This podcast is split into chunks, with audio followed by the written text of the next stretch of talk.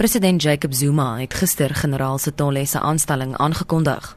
'n Woordvoerder vir die presidentskap, Dr Bongani Nkulunga, sê generaal Sithole se loopbaan strek oor 3 dekades wat hom een van die mees gekwalifiseerde kandidaate vir die posisie maak. He was appointed as a constable in 1986. In 1987, uh, he was a sergeant was promoted to be a colonel. He has served as an assistant commissioner in three provinces, in Pumalanga, Northern Cape, and the Free State.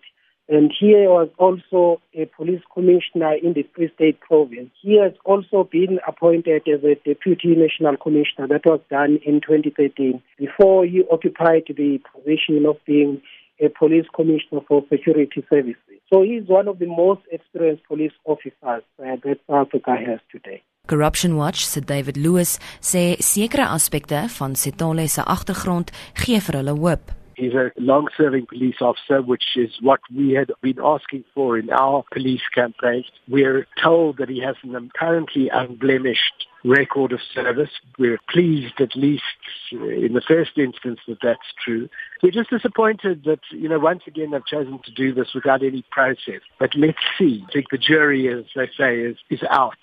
Maar Loos sê daar is steeds 'n reeks onbeantwoorde vrae oor die nuwe polisiekommissaris weens die ontbreking van 'n openbare en deursigtige konsultasieproses. To appoint this person without any public process without any public conversation is only going to make the new commissioner's job more difficult. And the questions are about what his priorities are going to be. What is he going to do about crime intelligence? What is he going to do about Mbuli? What is he going to do about corruption in the ranks of the police? Is he going to work with civil society? Those are the sort of questions that a proper selection process would have had him answering already. Die onafhanklike misdaadkenner Chris de Kok meen 'n polisiekommissaris moet die rol van 'n leier inneem eerder as slegs 'n bestuurder. Hy moet ondervinding hê van wat op stasievlak gebeur en hoe voorkom jy misdaad en hoe beveg jy misdaad. Hy moet passievol wees rondom die bekamping van misdaad. Daarna ook belangrik dat hy die moreel van die polisie, weet die motivering vlakke hoog kan hou polisie is op die oomblik dink ek redelik ongemotiveerd en dit sal moet verbeter. Hy moet meer van 'n leier wees as 'n bestuurder. De Kok meen Suid-Afrika se huidige misdaadklimaat moet een van generaal Sithole se hoofprioriteite wees. De Kok sê die publiek se deelname in die aanstelling van 'n nuwe polisiekommissaris het ontbreek.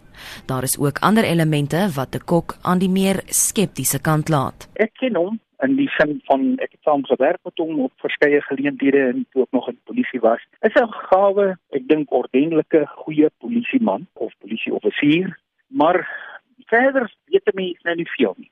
Al wat vir my negatief is, is hy was die persoon wat generaal Piega as haar operasionele hoof aangestel het. Dit was juis die periode van 2011-12 tot nou toe waar dinge radikaal skeef geloop het met ons misdaadbekamping. En nou is die vraag as jy nou die persoon wat operasioneel in bevel gestaan het gedurende 'n periode en nou die nasionale kommissaris maak, gaan hy begeester dra rondom misdaad en iets doen aan misdaad. Dit was die onafhanklike misdaadkenner Christe Kok.